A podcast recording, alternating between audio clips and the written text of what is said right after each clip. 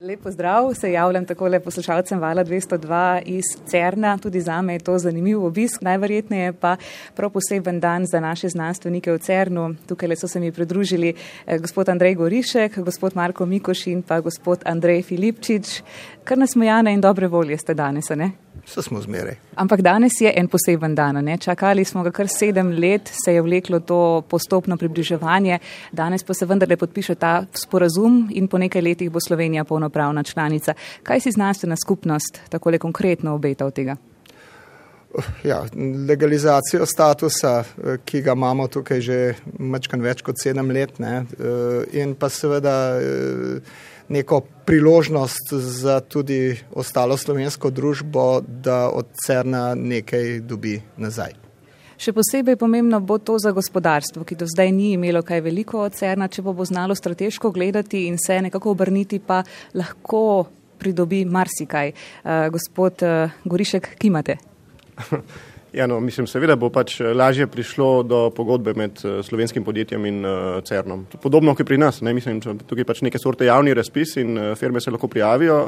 Če ni podjetje iz države članice, ima veliko več zaprek, da pride do pogodbe. Morajo pač na nek način dokazati, da ni nobenega primernega podjetja iz držav članic, ki bi lahko to izvedlo.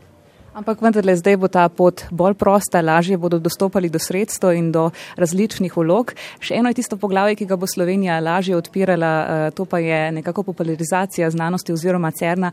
Tudi različni učitelji bodo lahko prihajali sem, profesori. Na tak način se bo ta kult tega znanstvenika v CERNu lažje približal slovencem in neki javnosti. Kako bo vse skupaj delovalo, dr. Mikoš? Ja, eh, danes imamo že ta prvi stik, ne, se pravi, na Bežigrajski gimnaziji bo potekal virtualni obisk CERNA, nagovorila jih bo tudi ministrica tukaj z Eskoleba in potem bodo šli v podzemlje v CMS, Andrej bo tam vodič. Ne, slovenski govorec. Kot slovenski govorec, ja. Imajo kar ene par teh programov, tudi, mislim, tako kot ste rekli, za učitelje, mislim, imajo, ampak so dostopni samo uh, članom. Ne. Tako da zdaj bojo tudi uh, srednješolski učitelji fizike lahko prišli poleti na izobraževanje, uh, ko pač poleti imajo učitelji čas um, na izobraževanje o, fizike osnovnih delcev, kako podajati o fiziko osnovnih delcev in podobno. Sej to boste, boste tudi videli, ko boste obiskali ta skulap, to je eden izmed pač projektov CERNovih, kjer se trudijo v bistvu znanstveniki iz področja pedagogike, kako predstaviti in podajati fiziko osnovnih delcev dijakom, pa otrokom, pa splošni publiki.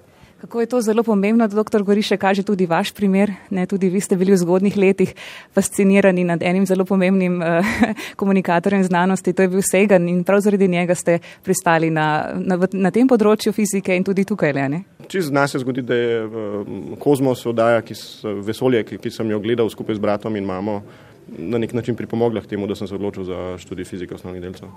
Še torej nas vse skupaj zanima, vsakeč, kadar slišimo za CERN, si predstavljamo tukaj eno megalomansko, fantastično ogorodje, eh, ume raziskovalce, tisoče raziskovalcev, ki raziskuje. Gospod Filipčič, vi ste kar dober še en del časa tukaj le preživeli, delujete, imate tudi eno zelo pomembnih funkcij, ne? ste koordinator v CERN-u. Kaj to pomeni, kaj počnete? Koordiniram računske centre ki, eh, in aktivnosti na področju računalništva, se pravi procesiranja podatkov računskih simulacij. To je pač eden izmed temeljnih načinov dela dan danes. Ne, brez računalnikov in veliko obdelave podatkov ni več mogoče dobiti nobenih pomembnih rezultatov. Ne. Nekaj časa sem nazaj sem se pogovarjala z nekdanjim generalnim direktorjem CERN-a, to je bil Rolf Dieter Hoyer, ki je takrat povdaril, da čeprav imamo slovenci le peščico ljudi, tukaj le v CERN-u približno 20 vas deluje, pa ste kar dvakrat zapored slovenski znanstveniki dobili to pomembno funkcijo koordinatorja. Eh, vi ste, slovenci so pomembni predvsem pri tem informacijskem delu, ne? pri vzpostavljanju te informacijske infrastrukture za naše detektorje. Čisto na kratko in zelo konkretno nam razložite, kaj to pomeni. Ja, to pomeni, ko detektor obratuje, sproducira ogromno količino podatkov in teh podatkov pač ni mogoče vseh posneti ali zapisati. Ne. In eh, proželjni sistem že zreducira celotno količino podatkov za faktor milijon ali pa še več in kljub temu nam približno iz detektorja tako preleti en DVD na sekundo. In te podatke potem treba sprocesirati, za kar potrebujemo v svetu 120 računskih centrov s približno 300 tisoč računskimi jedri in 250 tisoč diski, rečemo temu. Torej, ne le samo visoka teoretična fizika, ampak tudi izjemna procesorska moč in znanje za tem. Eh, čisto za konec, gospod Gorišek, pogleva še v prihodnost. Vsi se spomnimo nekaj let nazaj, kako ste znanstveniki dvigovali zmagoslavno roke ob odkritju Higgsovega bozona, tista tiskovna konferenca do povdne. Potem se je eh, nek, za nekaj časa ta pospeševalnik ustavil, posodobili ste ga in ga potem leta 2015 znova zagnali. Kaj je na obzorju, kaj se kaže? To bomo pa videli.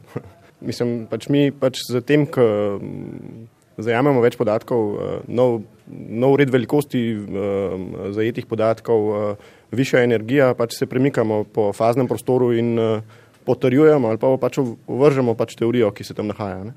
Temna snov, temna energija. Ja, popolnoma mogoče.